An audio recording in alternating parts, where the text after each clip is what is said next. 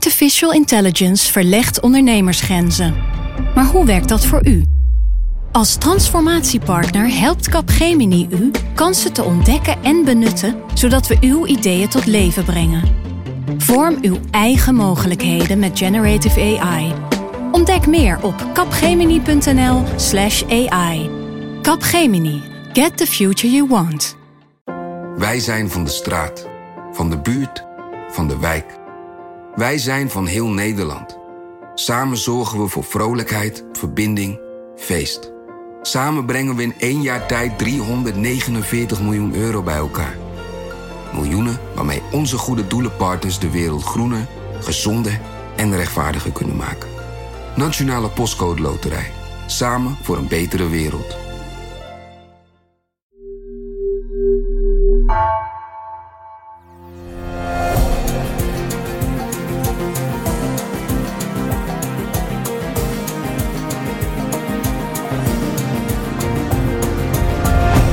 Dit is Lokale Zaken van NRC. Mijn naam is Lemia Aharouai.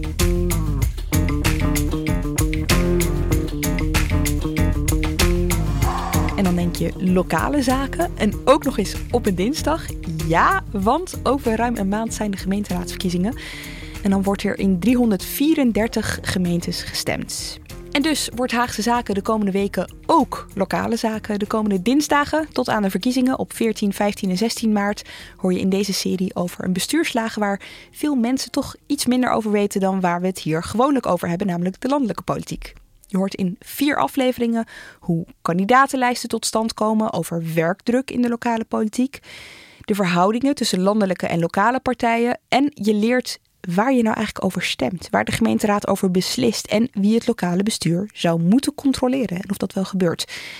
En dat doe ik met uh, bij mij in de studio Titia Ketelaar. Ja, dat lijkt een soort van uh, logica die ik niet eens meer hoef uit te leggen. Want jij bent onze verslaggever lokale politiek. Dat klopt. En ik ben uh, vier jaar geleden vlak voor de vorige gemeenteraadsverkiezingen begonnen.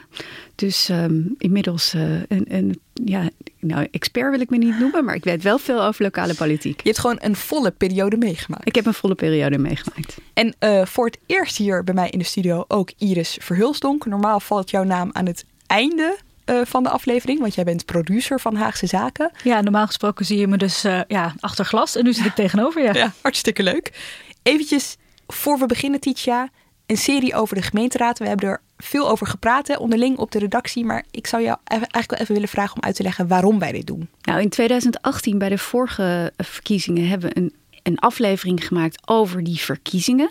Maar lokale politiek is natuurlijk veel meer dan de verkiezingen en de campagne. Het is vier jaar lokaal bestuur. En die lokale politiek is eigenlijk ontzettend interessant. Het zijn de, de, beslissingen die je meteen merkt als je de voordeur uitgaat. Wordt je afval wel of niet opgehaald? Hoe ziet de stoep eruit? Um, de boom voor de deur, wordt die gekapt, ja of nee? Maar het gaat ook over veel grotere zaken. Jeugdzorg, energietransitie, woningbouw. De grote onderwerpen in je eigen leefomgeving. En Iris, jij zit daarbij omdat dit een onderwerp is dat jou eigenlijk al een tijdje fascineert. Ja, dat klopt. Echt elke keer als Titia aanschoof, dacht ik: oh, ik zou hier eigenlijk veel meer over willen weten. Zou hier zelf ook echt graag in willen duiken.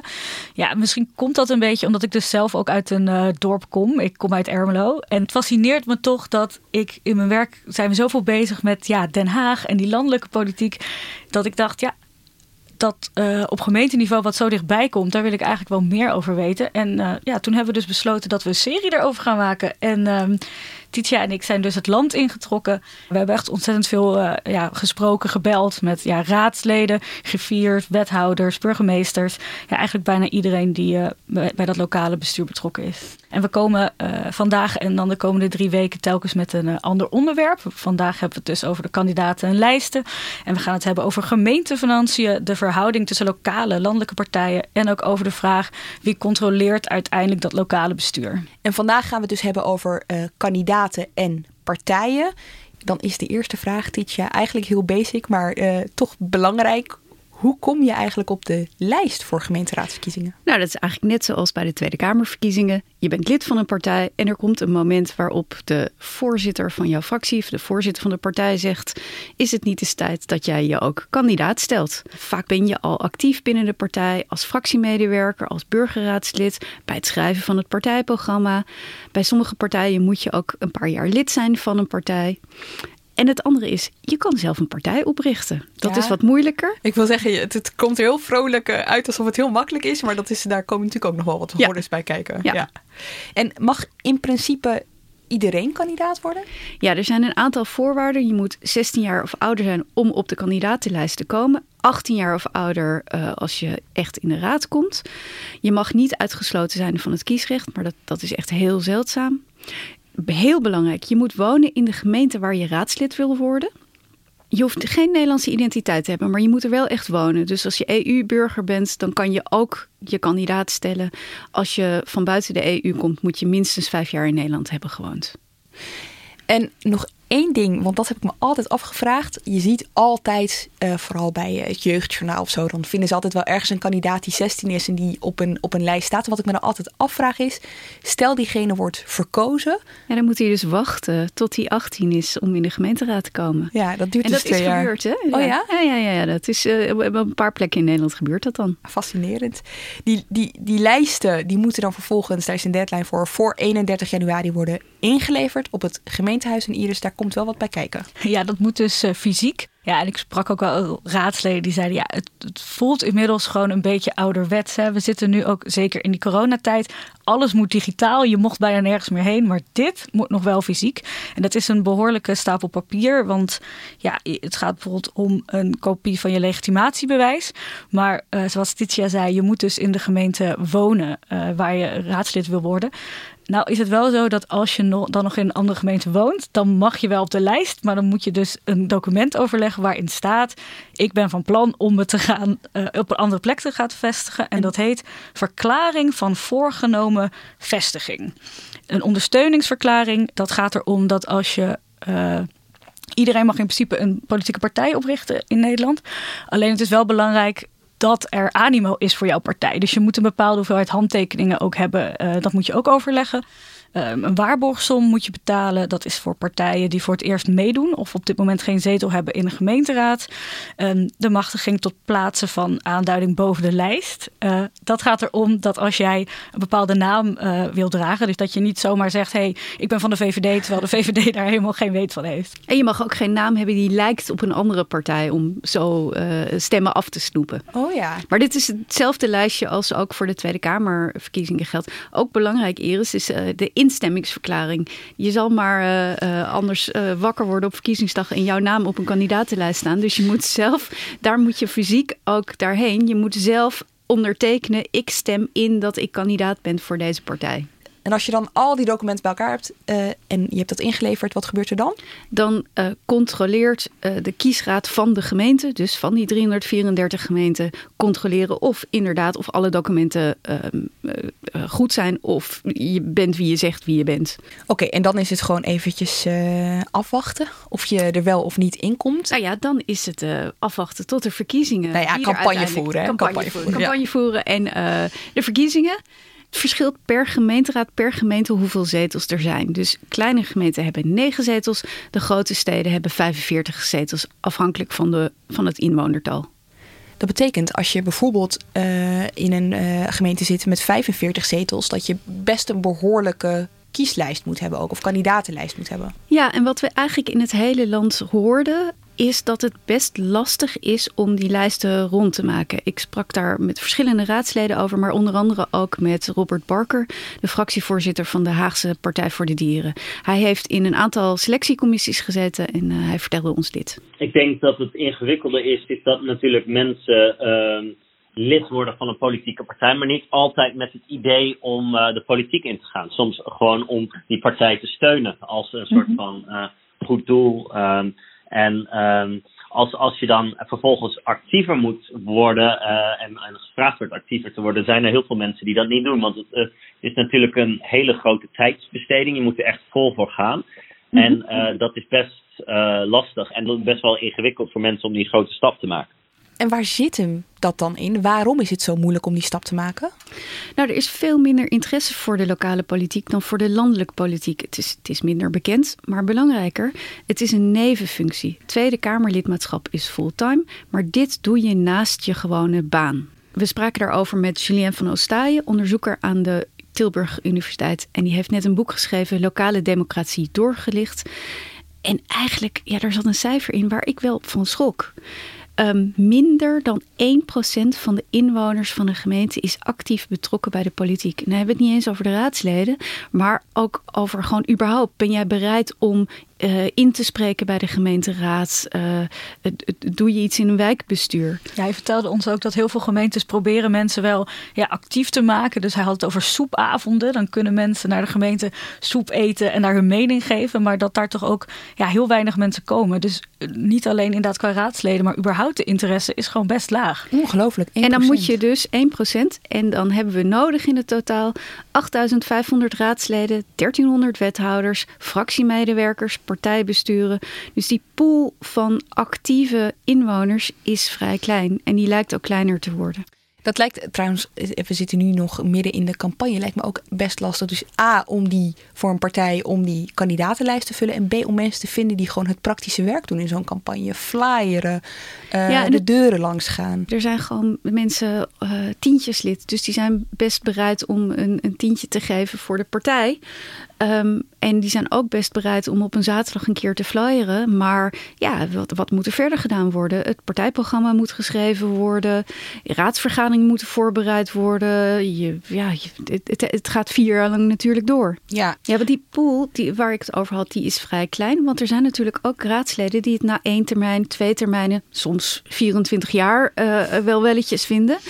En wat wij uh, zagen, dat er ook veel raadsleden zijn die tijdens de termijn, tijdens die vier jaar, tussentijd stoppen. Ja, en we zijn eens gaan kijken van kunnen we nou een lijst krijgen van die mensen om een beetje inzichtelijk te maken ja, waarom mensen stoppen. En samen met de dataredactie, uh, Merel Weersma, die heeft uh, toen een lijst voor ons samengesteld waar wij toen uh, ja, in zijn gaan grasduinen om, om mensen te spreken. En ja, wat het ook wel ingewikkeld maakt, is dat het is niet dat mensen om één reden stoppen. Hè. Er zijn ook een hele logische reden, is uh, dat, dat mensen wethouder worden. Nadat er verkiezingen zijn, moeten colleges worden uh, vastgesteld. En dan worden mensen wethouder.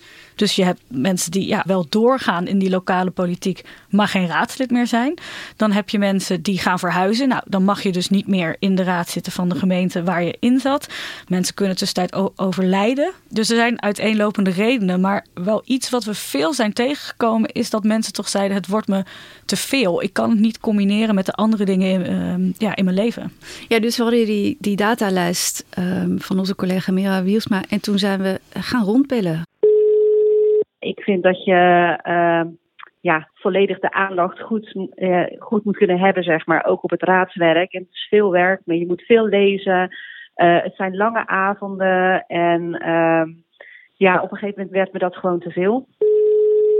Uh, ja, half acht, acht uur uh, begint zo'n commissievergadering of een raadsvergadering. En uh, ja, merkte ik dat, dat ik verhaaltjes bijna sneller ging voorlezen met mijn dochter om op tijd weer mijn kostuum aan te trekken en op de frisse en te gaan. Ja, dat maakt het dat ik onvoldoende tijd over heb om voldoende aandacht aan mijn portefeuille te geven. Maar het kostte zo verschrikkelijk veel tijd om dat goed te doen. En dan heb je het over, ik was een eenmansfractie. En uh, ik zat in de coalitie en ik had dus een eigen wethouder. Dan zit je bij een heleboel overleggen. Je hebt een eigen fractie, met, of een steunfractie, dus dat, daar heb je dan overleg mee. Dan heb je een coalitieoverleg, minimaal één keer. Dan heb je een raadsvergadering, maar je moet ook bij het presidium aanwezig zijn. En dan moet je nog, als je politiek wat wil bereiken, met mensen in contact, moet je uh, nog gesprekken voeren. Nou, dat is, dat is niet te doen. Ja, je hoorde hier een aantal mensen die we gesproken hebben. Anita Meus, uh, Recht Ticheler en ook Hans Huting. En uh, Hans Huting was uh, D66-raadslid in Westvoorne. En hij heeft het ongeveer anderhalf jaar gedaan. En um, zoals je hem hier ook hoort zeggen, het kost hem gewoon ontzettend veel tijd. Hij is ook advocaat. En D66 zat ook maar met één zetel in de raad. Dus dan kan je je voorstellen dat er best wel veel op je afkomt als enig raadslid voor de partij. Dat is echt vrij snel. Had hij het onderschat? Ja, ik heb het idee dat hij het had onderschat hoeveel tijd het kostte. Um, het, is, heeft ook iets te maken met de persoonlijke sfeer. Want hij werd ook mantelzorger voor zijn ouders. Waarvan hij nog wel zei, ja, uh, dat was echt naast het gemeentehuis. Dus dat was niet het grootste probleem. Ja, volgens hem ging het echt om alle verschillende overleggen. En, en echt gewoon ja, hoeveel tijd het kost. En dat hoorde ik eigenlijk ook wel van uh, Anita Meeuwse, die je net ook hoorde. Zij was VVD-lid in Etteleur. En zij is na drie jaar uh, gestopt. Ze had een eigen bedrijf. En ze zei, ja, die vergaderingen gaan tot laat door. S ochtends staat mijn wekker gewoon heel vroeg. En ja, ik, mijn bedrijf is heel belangrijk uh, voor mij. En eigenlijk uh, Ticheler van de VVD in Alkmaar... die had dus in 2017 al een zetel overgenomen... van iemand die was gestopt omdat het niet kon combineren. En uh, nu is hij zelf gestopt, juist omdat hij in dienst ging. Dus hij was eerst ZZP'er. Toen zei hij, ja, dan kon ik er nog wel een beetje mee schuiven. Maar daarna is hij in dienst gegaan en zei hij, ja, dit, dit, dit, dit werkt niet meer.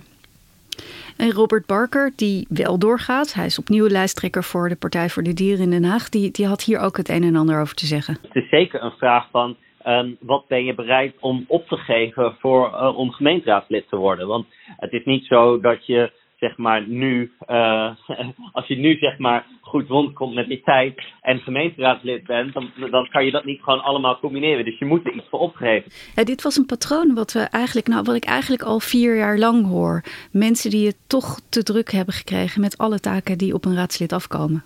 Inderdaad, het woord werkdruk valt vaak hè, als het gaat over uh, het werken voor een gemeenteraad. Ik zou dat eigenlijk wel eens concreet willen maken. Want wat moet een raadslid allemaal? De taken van een raadslid die bestaan uit twee dingen: het controleren en het bestuurlijke van de raadslid en het volksvertegenwoordigen. Dat komt overeen met dat van de Tweede Kamer. Ja. Hebben zij ook een soort uh, wetgevende taak op gemeentelijk niveau? Een kaderstellende taak Zo heet, heet dat, dat dan. Okay. Ja. Uit onderzoek blijkt trouwens dat die taken niet gelijk verdeeld zijn. Het Nationaal Raadsledenonderzoek van 2021 laat zien dat 70% van die werktijd wordt besteed aan de bestuurlijke werkzaamheden en 25% aan de volksvertegenwoordigende taken. En dat was nooit eerder zoveel tijd.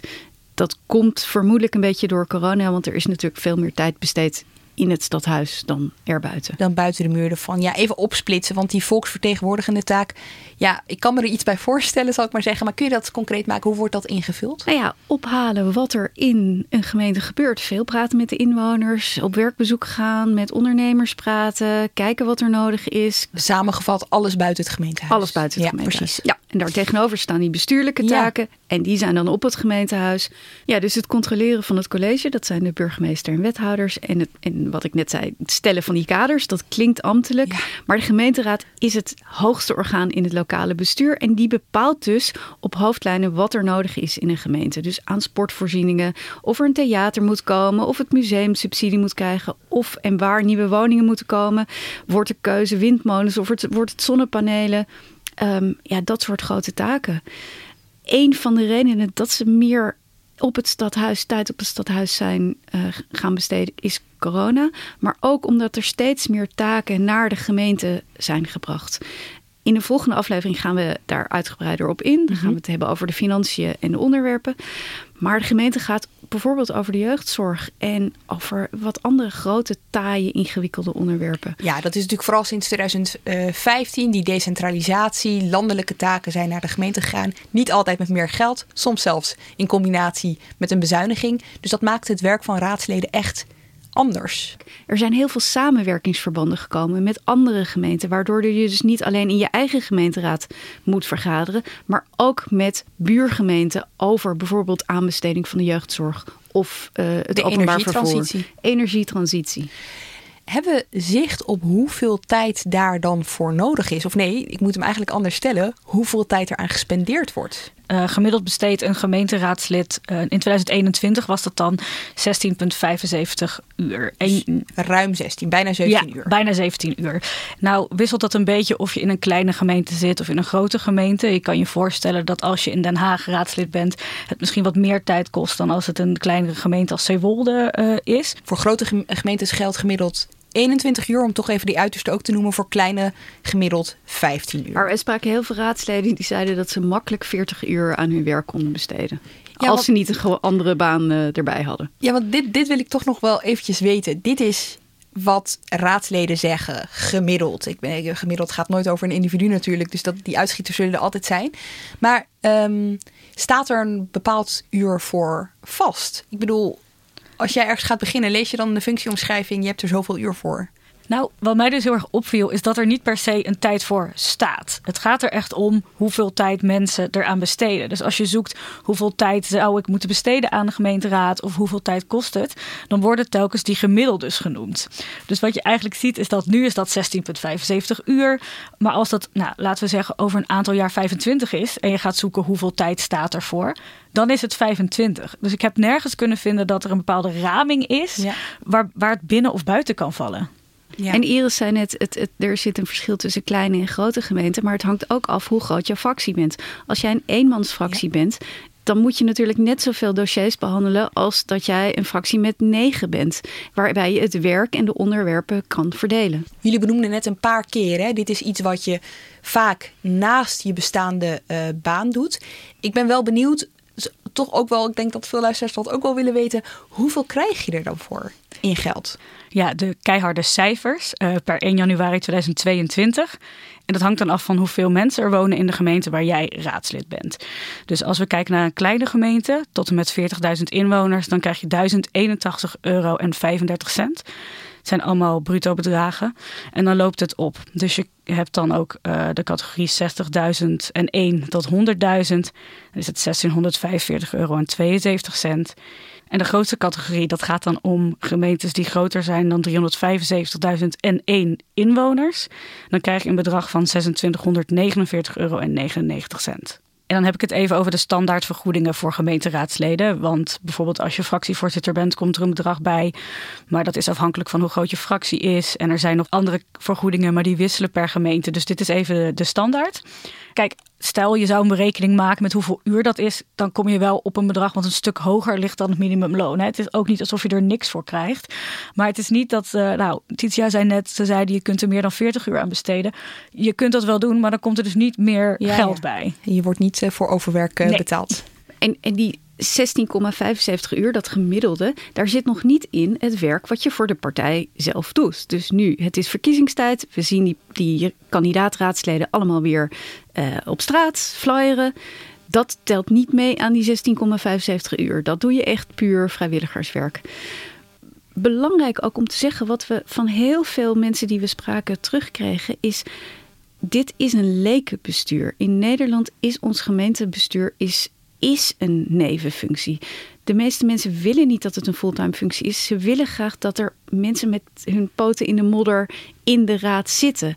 Dat het niet een, een, een ja, een, raad wordt die bestaat uit, sorry dat ik het nu ga zeggen, maar uh, politicologen, bestuurskundigen en, en nog zo wat uh, uh, hoogopgeleide afgestudeerde mensen.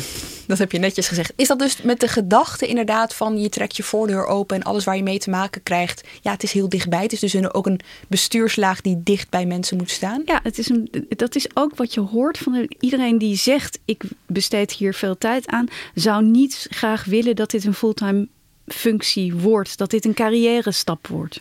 Oké, nou dat klinkt heel mooi op uh, papier. Hè? Dit is hoe we het willen. Dat is, uh, dat is één. Maar goed, jullie hebben ook uitgezocht. Wat betekent dat dan in de praktijk? Ja, na al dat spreken met mensen over die werkdruk dachten we, hoe ziet de agenda van een raadslid dat ook werkt er nou uit? En om dat echt zelf ook te kunnen zien, zijn we naar Anna van Popering geweest. En zij is fractievoorzitter en lijsttrekker van de ChristenUnie in Gouda. Hoi, Anna. Titia Kentner. Zo, natuurlijk. Ja, dankjewel. Ja, sorry, dat duurde even, want wij zijn, uh, we moesten nog even alle op en daar alles, uh, alles recht gaan. Ja, alle grote dingen opdoen. Hallo. Hallo, nou, het zijn inderdaad uh, grote dingen. Hi. Ja, we kwamen daar binnen met de zenders en de koptelefoon op. Ja, en we kwamen daar aan bij haar thuis en je voelde al een beetje van, oh, we hebben weinig tijd. Ze heeft twee jonge kinderen, die waren dus net naar boven gebracht. En ze zat helemaal klaar om naar die raadsvergadering te gaan. Had haar documenten voor zich, de iPad.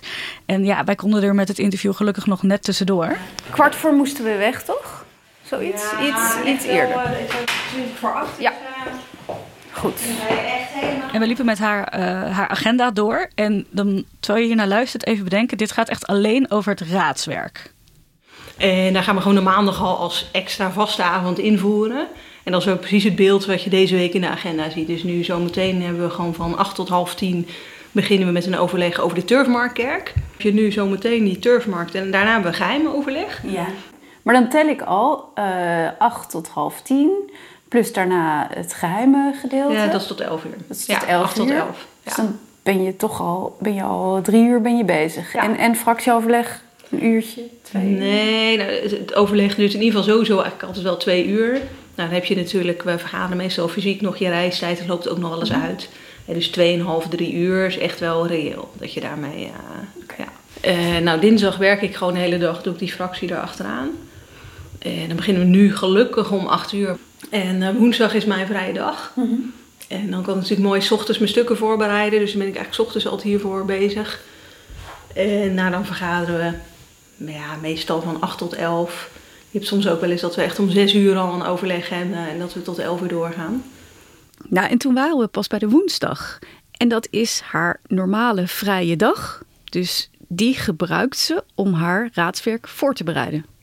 Nou, ik zie woensdag is echt het, eh, echt het zwaartepunt, want dan ben ik Ja. natuurlijk 's ochtends doe ik voorbereiding. En nu hebben we smiddags bijvoorbeeld een overleg met de commissaris van de Koning. Ja.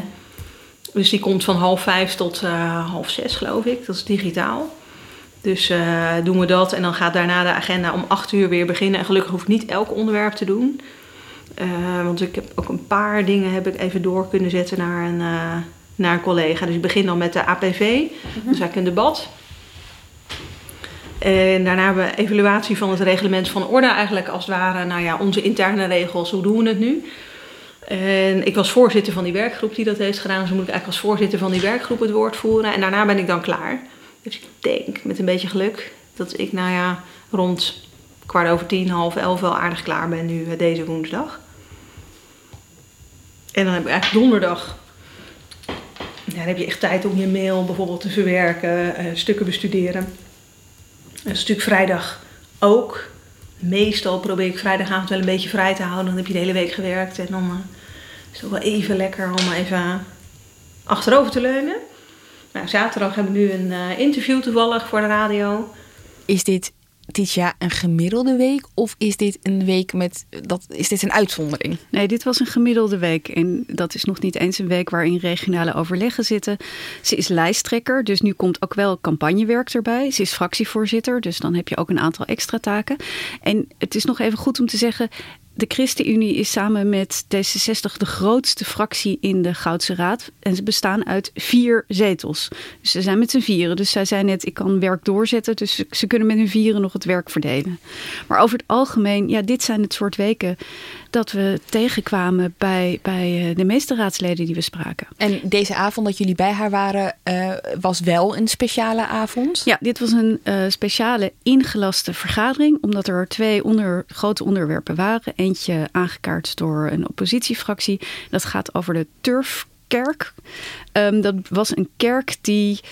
Nou, in het kort te zeggen, een ondernemer wilde er iets anders van maken. Hij wilde uh, het bestemmingsplan veranderen. Dat is mislukt. Er is een hele mediation, een rechtszaak aan te pas gekomen tussen de gemeente en de ondernemer. En um, uiteindelijk is dit geëindigd in een, in een uh, schadevergoeding van 7 ton aan de ondernemer vanuit de gemeente. Dus dit, dit was ook wel echt een groot thema voor, voor de gemeenteraad. Het andere ging over de plaatsing van asielzoekers in Gouda. Ja, en je merkte dus, ja, ze nam met ons haar agenda door, maar daarna hadden we dus haast. Dus wij zijn op onze OV-fietsjes inderdaad gereisd naar dat uh, gemeentehuis.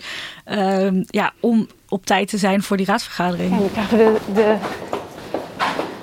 zijingang van het stadhuis. In verband met corona mocht er maar één iemand uh, van de pers naar binnen. Oh, hallo. Titia Ketelaar, hallo. Dus Titia zat daar met een mooi gemaakt kaartje voor haar. Hadden ze speciaal Speciaal hadden ze NRC op een kaartje. Oh, echt joh? Dat maak jij vaker mee, hè? Dat, ja, dat is heel leuk. Als je kijkt, en voor, voor, de, voor de mensen die vaker luisteren, de, de Haagse redactie op het Binnenhof heeft een speciaal tafeltje in de Tweede Kamer. Niet, Niet meer. meer. Na de oh. verhuizing is alles ons afgepakt. Oh. Ja. Nou ja, maar als je als, je als uh, verslaggever lokale politiek naar gemeenteraden gaat, dan is er ook een perstribune of een perstafel of een persbankje. Uh, ik heb wel eens meegemaakt dat er een apart stoeltje voor me werd gehaald. Of opeens uh, dat ik aankwam en dan een bordje met heel groot pers ervoor en wordt neergezet. Neergezet. En hier hadden ze ook een speciaal bordje voor me gemaakt. Ja, en ik zat dus uh, om de hoek, maar je kon wel uh, live meekijken. Dus eigenlijk maakt dat niet zo heel veel uit qua het kunnen volgen. En ja, het bleek best wel een spannend debat. Want binnen het eerste uur waren er al drie schorsingen. En ja, ik moet heel eerlijk toegeven dat ik nou ook weer niet in mijn leven zoveel van dit soort vergaderingen heb gevolgd. Dus ik heb toen ook echt aan Titia gevraagd: van, is dit nou normaal dat dit, uh, dat, ja, dat dit zo gebeurt? Hey Iris, ik ben jou even naar buiten gelopen om jou te vertellen wat er binnen gebeurde. Nou, wat mij opviel, want ik zit dus vaker bij uh, verschillende gemeenteraadsvergaderingen. Uh, ditmaal, hier was het niet de burgemeester die ervoor zat, maar een plaatsvervangend voorzitter. En die lette erg goed op de tijd en die, die hield het ook kort. En daardoor ontspoorde het debat niet. Hartelijk welkom in deze vergadering van de commissie bestuur. Uh, er is een uh, agenderingsverzoek ontvangen van diverse fracties. Want ik ken voorbeelden van gemeenten waar uh, vergaderingen lang kunnen uitlopen tot ver na middernacht. En dat zijn dus de mensen die de volgende dag weer naar hun gewone werk moeten. Ja, nu was het dus dit gedeelte mochten wij bij zijn. Het, het, tweede gedeelte over de asielzoekers, daar mochten wij niet bij zijn. Dus wij zijn toen naar huis gegaan. Maar uh, Anna van Popering, die moest dus nog even blijven. Uh, ik denk dat het goed is om te beginnen, voorzitter, om... Maar wat mij opviel bij haar en ook wel met andere raadsleden die we hebben gesproken, is dat ja, het duurt lang en het kost veel van je tijd. Maar mensen willen het ook wel echt doen. Weet je wel, ze krijgen ook veel energie om dit werk te doen. Ze vinden het belangrijk. Dus uh, ja, wij vertellen hier nu jou het verhaal, Lemia, van de hoge werkdruk en hoe vol haar agenda is. Maar het is voor deze mensen ook wel echt iets wat ze heel graag doen. En bedenk, dit ging niet om uh, een klein iets. Dit gaat sowieso. De lokale politiek heeft direct invloed op wat er gebeurt in de gemeente de komende periode. Dus je wil ook dat iedereen die daar is genoeg tijd en ook plezier erin heeft om uh, zich in te lezen, het raadswerk goed te kunnen doen. En dat het veel tijd kost, ja, maar dat ze het wel met volle overtuiging doet. Dus um, het jammere is wat wij merkten en wat ik ook de afgelopen vier jaar veel hoor. Veel mensen die een, een volledige uh, fulltime baan hebben, een drukke baan. Zeker in de leeftijd tussen 30 en 50 met jonge kinderen. Die, die kunnen dit moeilijk combineren. Die uh, vinden het lastig om zo'n nevenfunctie erbij te kunnen doen. En als het dan uh, heel druk wordt en je moet een prioriteitenlijstje maken, dan ja, dat kennen we allemaal. Weet je, je, je hebt je werk, uh, je wil ook nog een beetje sporten. Je wil het liefst ook tijd aan je gezin besteden. Je wil wat vrienden zien. Um, en en uh, we hoorden eerder al een raadslid die zei: je moet hier iets voor opgeven. Dan blijft toch een beetje de vraag: uh, de gemeenteraad als, als, als orgaan, zal ik maar zeggen, bestaat natuurlijk al lang. Is dit een probleem van alle tijd? Nou, het, het is een groter probleem geworden we zeiden net al iets. Er is uh, in 2015 zijn er heel veel taken bijgekomen voor de gemeente. En dat zijn grote, ingewikkelde taken. Jeugdzorg, maatschappelijke hulp. Er komen nog soortgelijke taken aan. Gemeenten zijn groter geworden. In de afgelopen decennia zijn er uh, zijn gemeenten gefuseerd. Dat noem je de herindelingen. Uh, dat, dat gaat nog steeds door. Dus gemeenten hebben meer inwoners gekregen met grotere, ingewikkelder dossiers. Betekent dat dan niet ook dat ze meer zetels krijgen? Ja, maar de fracties zijn onderwijl kleiner geworden. En, en daar spraken we onder andere over met Marcel Bogaars, hoogleraar innovatie en regionaal bestuur aan de Universiteit Twente. Wat ook wel meespeelt, is dat de, politieke versnippering. Vroeger had je ja. een grote fractie en kon je onderling het werk verdelen. Ja. Nu heb je eenmans- of eenvrouwsfracties, of zit je met z'n tweeën, uh, of maximaal met z'n drieën in de raad. Veel grotere fracties heb je vaak niet. Nou, en hij koppelde ook aan, dat vond ik ook interessant, hoe raadsleden daar zelf mee omgaan. Het is ook hoe je daarmee omgaat. Raadsleden hebben soms het idee dat ze heel erg gedetailleerd op alles moeten meesturen. En mm -hmm. dat hoeft helemaal niet. Dus mm -hmm. raadsleden worden daar ook niet echt goed bij geholpen door het bestuur. Ja, en wij hebben ook al gevraagd aan mensen ligt het nou aan de aard van het werk dat het, dat het zo lang duurt uh, dat je de uren erin stopt? Of zouden er toch ook dingen aan gedaan kunnen worden? En net zoals Marcel Bogen hier zei, krijg ik wel terug van ja, misschien moeten soms de vergaderingen inderdaad ook gewoon echt korter gehouden worden. Wat jij net zei met de voorzitter, dat je toch iemand hebt die het echt in goede banen leidt. Maar dat is ook weer ingewikkeld, want het gaat wel om een democratisch proces waar je wel iedereen aan het woord wil laten. Maar ja, er zit daar toch iets in die lange vergaderingen uh, waar iedereen zijn zegje wil doen, ja, wat toch echt heel erg tijdrovend is. Speelt toch weer hetzelfde als de landelijke politiek ook daar. Nou, volgens mij hebben we wel goed neergezet dat het uh, druk is voor een gemiddeld gemeenteraadslid. Maar uh, dat heeft ook consequenties. Ja, zeker. Wat je ziet dat de, is dat de gemeenteraad buiten grotere steden iets wordt voor mensen die niet meer fulltime werken, met pensioen zijn, ZZP'ers zijn, uh, geen fulltime baan hebben. Er is een onderzoek geweest van het blad Binnenlands Bestuur en die laat, dat laat zien dat het aantal 60-plussers ruim vijf keer zo groot is als het aantal 30 minners. Een gemiddeld raadslid is 54,1 jaar oud en ruim 1 op de drie raadsleden is ouder dan 60.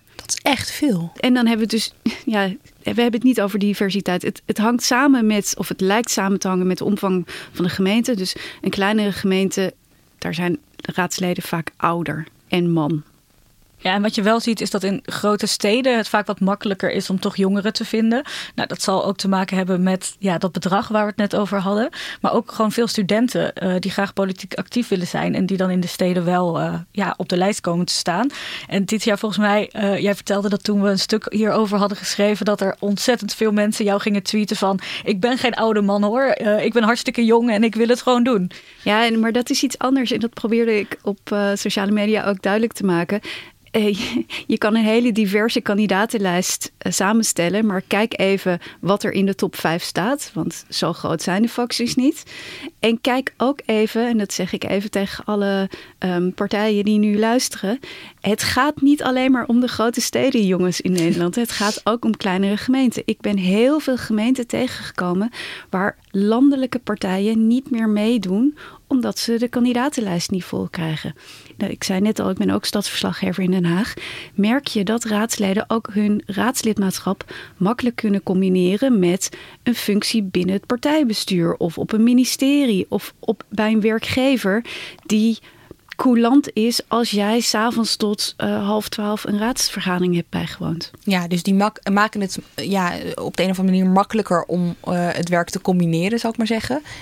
Hoe erg is het dat die raadsleden trouwens, om daar nog even bij stil te staan, gemiddeld 54 jaar oud zijn. Nou, je wilt toch een beetje een afspiegeling van de, van de samenleving. Ja, we hadden het er net in het begin over. Hè, dat juist bij die uh, lokale politiek heb je dus inderdaad mensen met een eigen bedrijf. Uh, je hebt misschien de bakker op de markt die ook in de raadslid zit. Dat vinden we een groot goed. Dat mensen echt midden in die maatschappij staan. Ja, dan wil je toch ook wel wat meer diversiteit qua leeftijd hebben. Ja, ik vraag het je ook, Tietje, omdat ik, uh, als we het over dit onderwerp hebben, steeds moet denken aan een verhaal dat ik in 2018 las van jouw hand. Toen omschreef jij hoe moeilijk het is voor partijen om kandidaten te vinden. En dat dat soms zo moeilijk is. En die deadline die komt steeds dichterbij van het moment dat die lijsten ingeleverd moeten worden. Dat partijen ook gewoon gaan scouten op partijborrels bijvoorbeeld. Ja, dan heb je nog wel een partijborrel waar dit stuk over ging toen. En daar schrok ik toen zelf ook van. Dat als jij in een gemeente maar ook iets doet wat een beetje ruikt naar actief en bewustzijn met wat er in jouw gemeente speelt, dat je echt bij de eerste beste borrel al gevraagd kan worden om kandidaat te worden.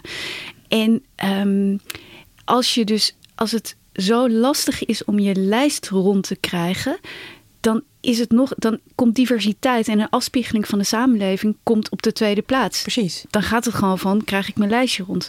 En een ander punt daarbij is dat het vragen oproept over hoe integer zijn jouw kandidaten? Hoe kwalitatief goed zijn zij?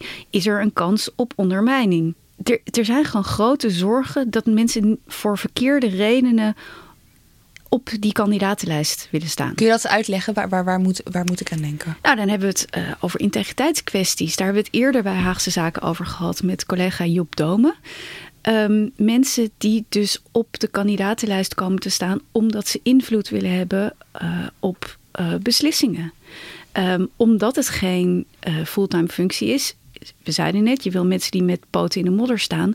Maar je wil niet mensen die op die kandidatenlijst staan of raadslid worden, omdat ze ja, uh, een bepaald belang hebben. Een belang dat anders is dan het, dan het algemene belang. Ja, bijvoorbeeld om het even concreet te maken: je broer is projectontwikkelaar, de gemeenteraad gaat stemmen over een bestemmingsplan, uh, of er ergens woningen moeten komen, bijvoorbeeld. En hij kan daar dan van profiteren. Ja, en jouw broer zegt bij het avondeten: hé, hey, uh, laat me eens even weten wat er in dat bestemmingsplan staat. Dat kan je dan nog integer daarover stemmen. Nou, dat antwoord lijkt me dan nee. Maar goed, als het jouw broer is of het is of hoewel, iemand... is dat nee? Ja, dat weet ik eigenlijk niet. Nou ja, kijk, je ziet in gemeenteraden waar vaak gesproken wordt over integriteitsdilemma's. Uh, dat, dat doet de burgemeester dan vaak, die heeft het in zijn portefeuille. Dat um, mensen zich onthouden van stemming omdat hun partner bijvoorbeeld bij een jeugdzorginstelling werkt. Maar ja, het, omdat het natuurlijk um, raadsleden uit die samenleving komen. Het kan ook iemand zijn met wie je op de basisschool hebt gezeten. Maar zijn hier regels voor? Ik bedoel, is, is iemand wiens broer, nou ja, dat voorbeeld dat we net uh, noemen, hè? kan zo iemand gewoon in de regels kijken en denken: oké, als dit gaat over een direct familielid dat direct belang heeft, dan moet ik mij onthouden van stemmingen? Als het een integer raadslid is, wel, ja. Ja, oké, maar dan leg je het bij het raadslid zelf, zou ik maar zeggen. Maar zijn er regels? En bij de, er zijn geen... Ja, je mag niet een direct belang hebben. Je moet zonder last of ruggespraak kunnen stemmen. Net zoals in de Tweede Kamer. Maar ja, waar, waar stopt het? Weet je, het, het is ook een voortdurend gesprek wat raadsleden onderling binnen hun partij met het college moeten voeren. Ja, en je gaat nu nog wel echt ook uit van de goede intenties. Hè? Dus dat iemand zelf gaat nadenken of iets integer is of niet.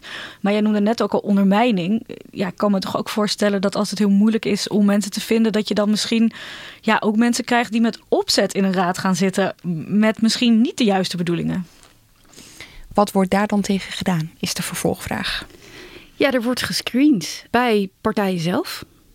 Niet alle partijen, dat, dat weten we gewoon niet. Maar het is geen verplichting. het is geen verplichting. Er is vanuit Binnenlandse Zaken en zeker vanuit uh, burgemeesters en griffiers wordt dat, dat wel gezegd van nou ja, dit zou verstandig zijn.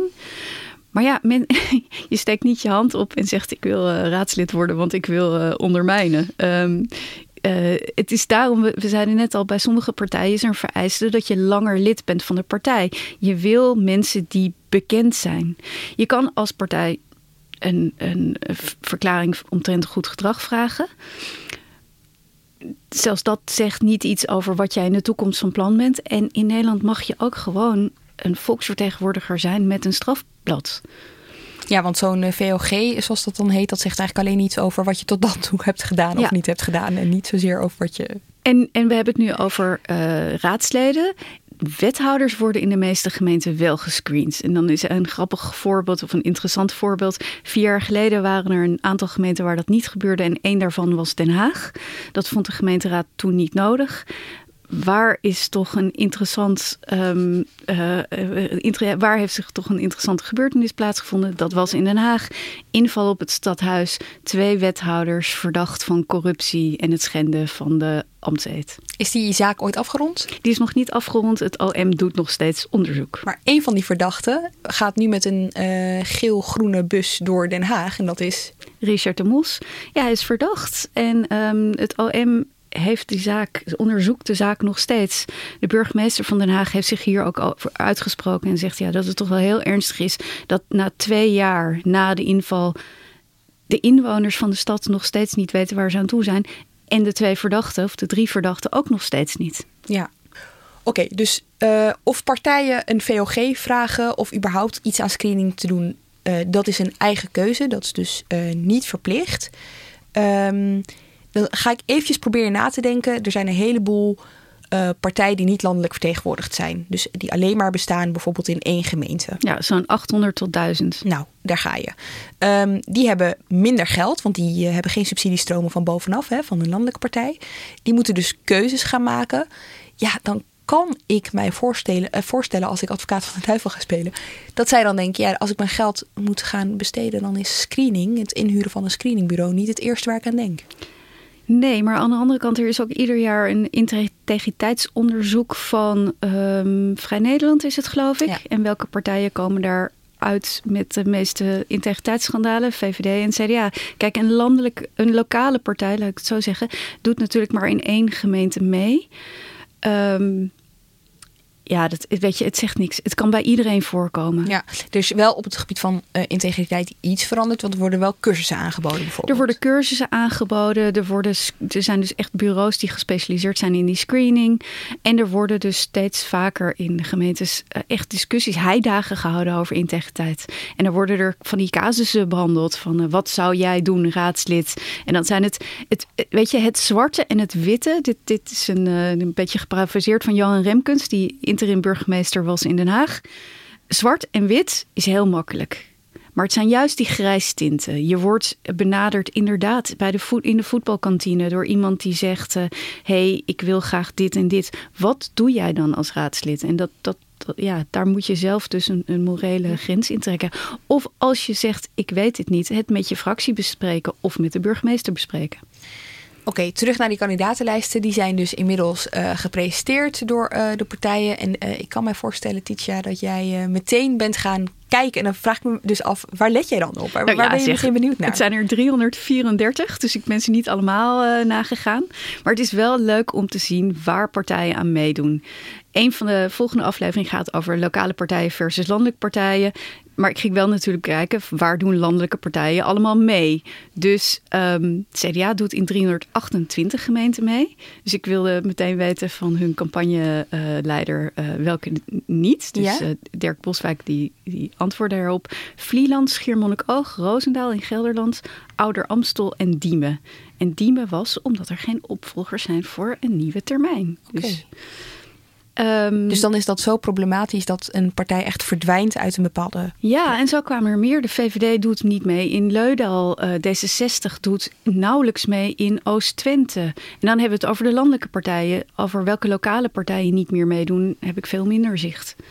En wie nou uh, zelf, op een gegeven moment krijg je altijd vlak voor de verkiezingen toch uh, thuis uh, zo'n zo'n de, de, de, kandidatenlijsten van jouw partijen, van de partijen in jouw gemeente opgestuurd. En dan sta je daar een beetje naar. En wie nu luistert en denkt, ja, waar moet ik nou eigenlijk op letten? Wat is, wat is jullie advies? Ja, ik zou echt van tevoren dus gaan denken, wat vind jij nou belangrijk hè, in een kandidaat? Wil jij inderdaad iemand waarvan je zegt, ik wil dat hij midden in, uh, in de maatschappij van deze gemeente staat? Uh, vind je diversiteit wel of niet belangrijk? Maar ja, natuurlijk ook wel, waar staat iemand voor, ja, politiek gezien? Dus voor welke partij is hij onderdeel? Dus ja, eigenlijk eventjes een beetje inlezen over wat jij belangrijk vindt. En, en er zijn natuurlijk stemwijzers. Hè? Voor iedere, bijna iedere gemeente heeft wel een, een, eh, een lokale stemwijzer. Doen jullie dat, dat vooronderzoek op een andere manier dan bij landelijke verkiezingen? Zijn er andere afwegingen bij lokale verkiezingen? Ja, het is, het is dichterbij. Um, zijn er andere afwegingen? Nou, ik heb zelf dan, ik ben inwoner van Amsterdam, uh, dus een grote stad. Uh, maar toen heb ik wel even gekeken van wat is voor mij heel relevant? En dat doe je natuurlijk ook als je landelijk uh, gaat stemmen. Maar ik vond dit wel ja, wat dichterbij, inderdaad, wat Titia zegt. Hè? Van hoe, wat vind ik van betaald parkeren op elke plek in de stad? Dat, dat voelt toch anders dan uh, ja, de hele grote kwesties van duurzaamheid in het algemeen. Ja. En ik ben zelf ook een beetje een, uh, een financiën-nerd in deze. Ik durf het bijna niet te zeggen. Maar um, omdat ik weet dat gemeentefinanciën overal onder druk staat, kijk ik ook altijd een beetje uh, zeg, zeggen partijen eigenlijk iets over hoe ze dit denken te kunnen financieren? En dat is een mooi bruggetje naar de volgende aflevering. Want dan gaan we het dus uh, echt uitgebreid hebben over die gemeentefinanciën. En dan hoor je dus ook nog meer over waar die gemeente over gaat. Dus dan kan de financiën-nerd hier uh, naast me helemaal los. Dankjewel, Tisha Ketelaar en Iris Verhulstonk. Jij ook bedankt voor het luisteren. Volgende week dinsdag staat die tweede aflevering dus uh, voor je klaar in deze serie. En op zaterdag zijn we er gewoon ook. Eindredactie werd gedaan door Anne Moraal en Ido Havinga. Productie door Henk Krijgerop van de Werven. En montage door Marco Raaphorst. Tot zaterdag.